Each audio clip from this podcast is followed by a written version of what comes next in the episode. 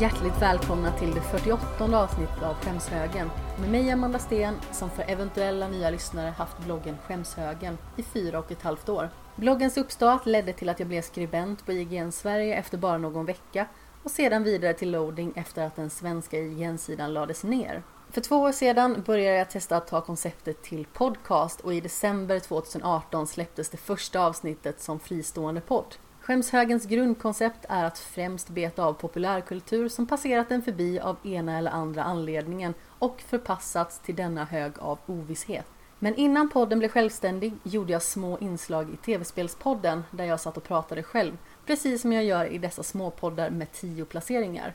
Idag är det dags för position nummer 70 till 61.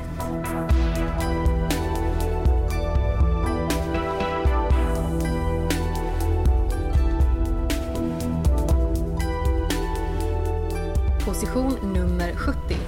What the Golf.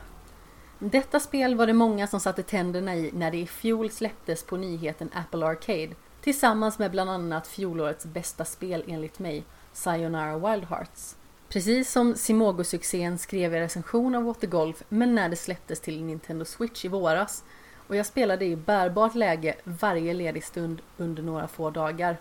Jag rycktes med så pass mycket av spelupplevelsen att jag lyckades skrynkla in det på min lista trots att den var färdigskriven sedan tidigare. I recensionen inledde jag med Golf är tråkigt. Kan vi fixa det? Ovan frågeställning, vilken spelaren stöter på tidigt i spelet, känns som devisen spelets utvecklare Triband ständigt arbetar utifrån. Och även jag, som är en stor gubbsportsvurmare, kan någonstans nu efter att ha tagit mig igenom hela spelet instämma i att golf är tråkigt.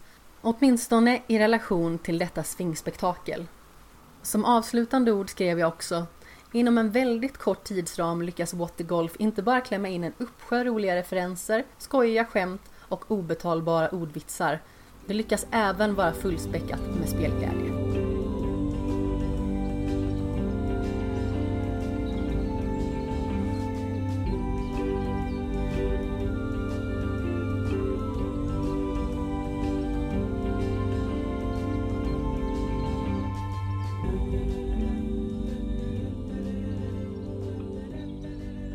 Position nummer 69 Bastion När jag tänker på Bastion tänker jag på en tågfärd upp till Stockholm och sedan färden tillbaka hem till Alingsås igen.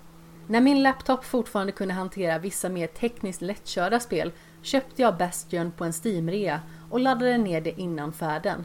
Redan innan vi rullat in på Vårgårda station var jag fullt i färd med att ta mig an denna omtalade indieskapelse från Supergiant Games. Vad jag slogs av var spelets visuella presentation och dess säregna berättande som fängslade mig omedelbart vilket resulterade i att jag spelade hela vägen från västra till östra Sverige.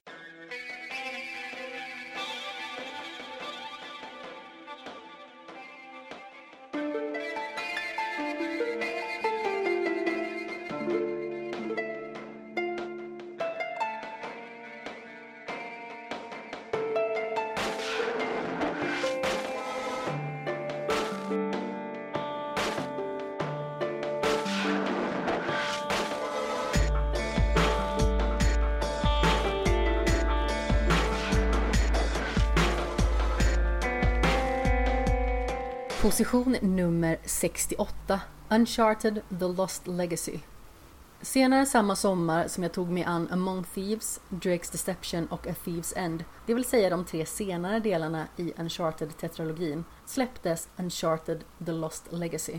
Trots att jag på det stora hela kom att uppskatta Nathan Drake som huvudkaraktär kändes det väldigt uppfriskande att i samma spelvärld få en upplevelse med två kvinnliga protagonister i form av Chloe Fraser och Nadine Ross. Denna personlighetsstarka och kraftfulla duo tog mig på ett indiskt skattletaräventyr i typisk Uncharted-anda, men med nytt liv och i talande stund blir jag lite smygsugen på att spela igenom det ytterligare en gång.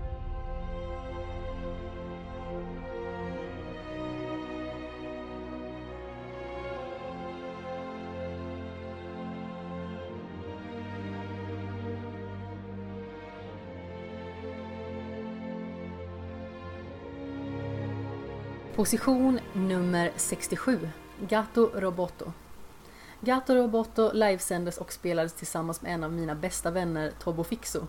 Egentligen känd som Tobbe Fix eller Tobias Andersson från Svampriket. Detta är också det första av tre spel på denna lista som vi spelat och streamat tillsammans och samtliga av dessa tillhör Metroidvania-genren. För undertecknad, som gillar såväl katter som robotar, fångade detta munsbitspel från Doinksoft min uppmärksamhet och levererade retroflört, underhållande spelmekanik och en kanondos charm.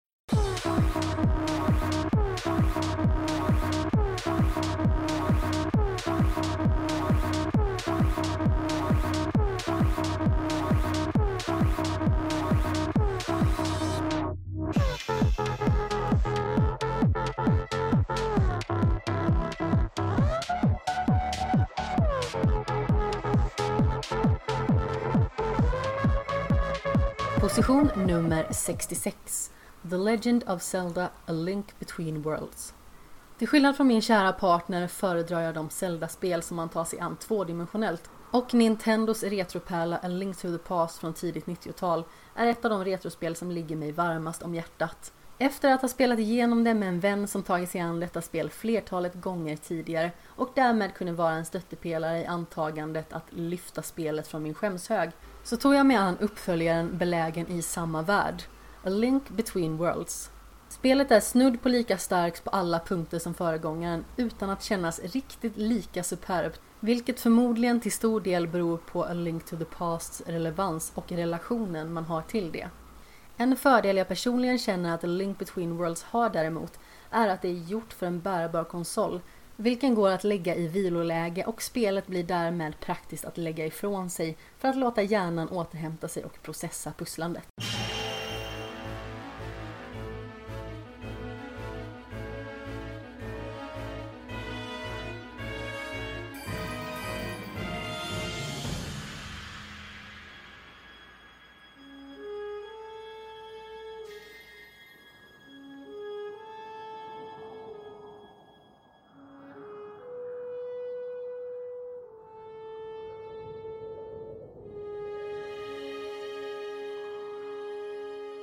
Position nummer 65, Song of the Deep.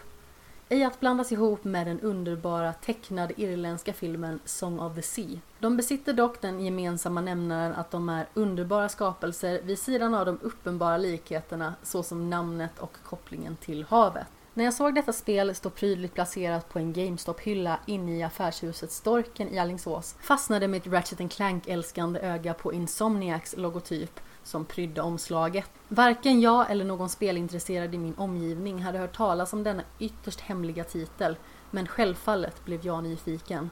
Tillsammans med den tidigare nämnda Tobbe Fix tog jag mig igenom detta förtjusande undervattens Metroidvania, där vi som spelare styr en ubåt som en ängslig ung flicka tagit ut i havs för att leta rätt på sin far som under sin sedvanliga fisketur inte återvände hem.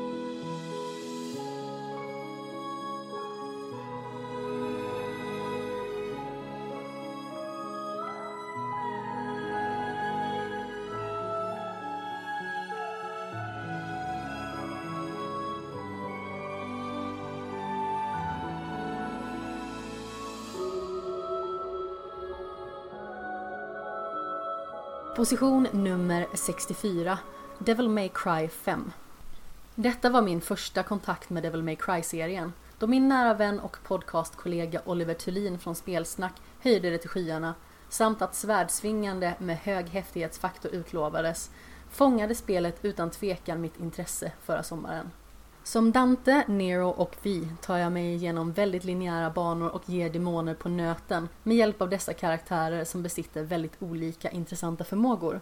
Berättelsen som Vertellis känns väldigt sekundär i sammanhanget då mitt intresse för den knappt är befintligt, då jag inte finner den speciellt intressant. Men ibland är även jag simpel. Ge mig ett svärd att mula fiender till höger och vänster med och få mig att känna mig kanonhäftig.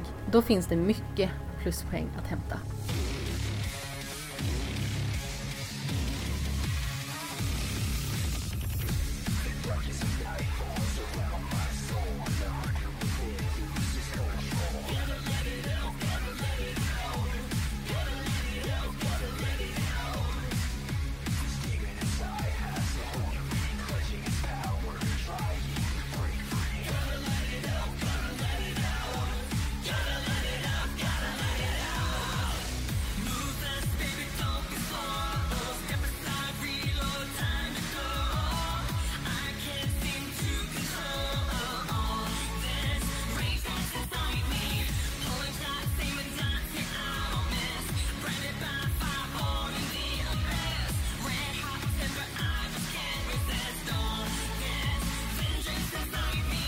Position nummer 63.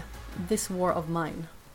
Få spel lyckas göra en så illa berörd på ett så verklighetsförankrat vis som This War of Mine gör. I en fiktiv krigshärjad stad får du i en strategisk överlevnadssimulator kämpa mot svält, sjukdom, yttre hotelser och ren misär. Den stora frågan är, hur många dagar håller du dig vid liv?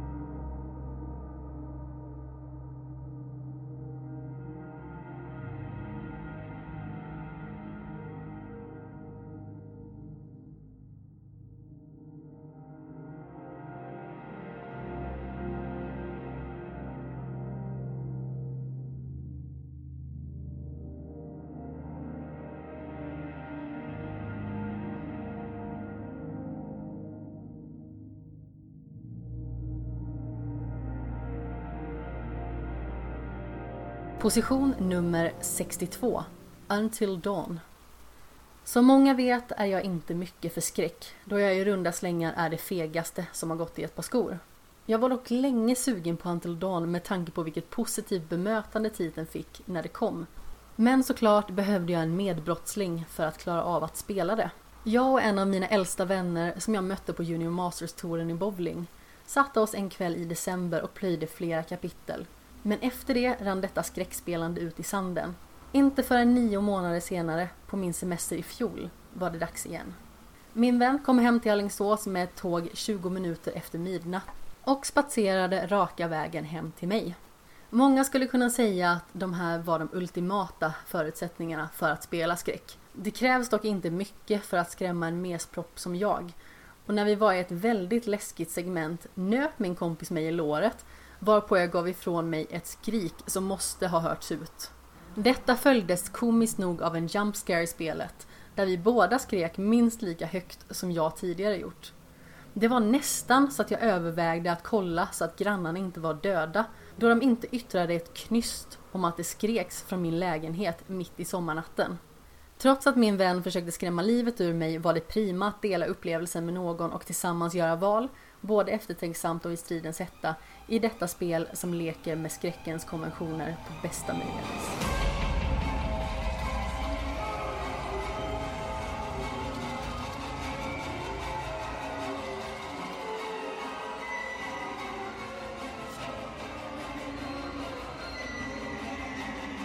Position nummer 61 Oxenfree Redan på färjan till en mystisk ö med Alex och hennes vänner kändes detta lilla indieäventyr av Night School Studios som att det hade något oförklarligt tilldragande. Men jag kände en enorm nyfikenhet i att luska ut vad som försiggick på denna hemlighetsfulla plats. Som många vet är jag svag för visuella aspekter och jag kom till detta spel för estetiken men stannade verkligen för karaktärerna, dialogerna och den lockande mystiken.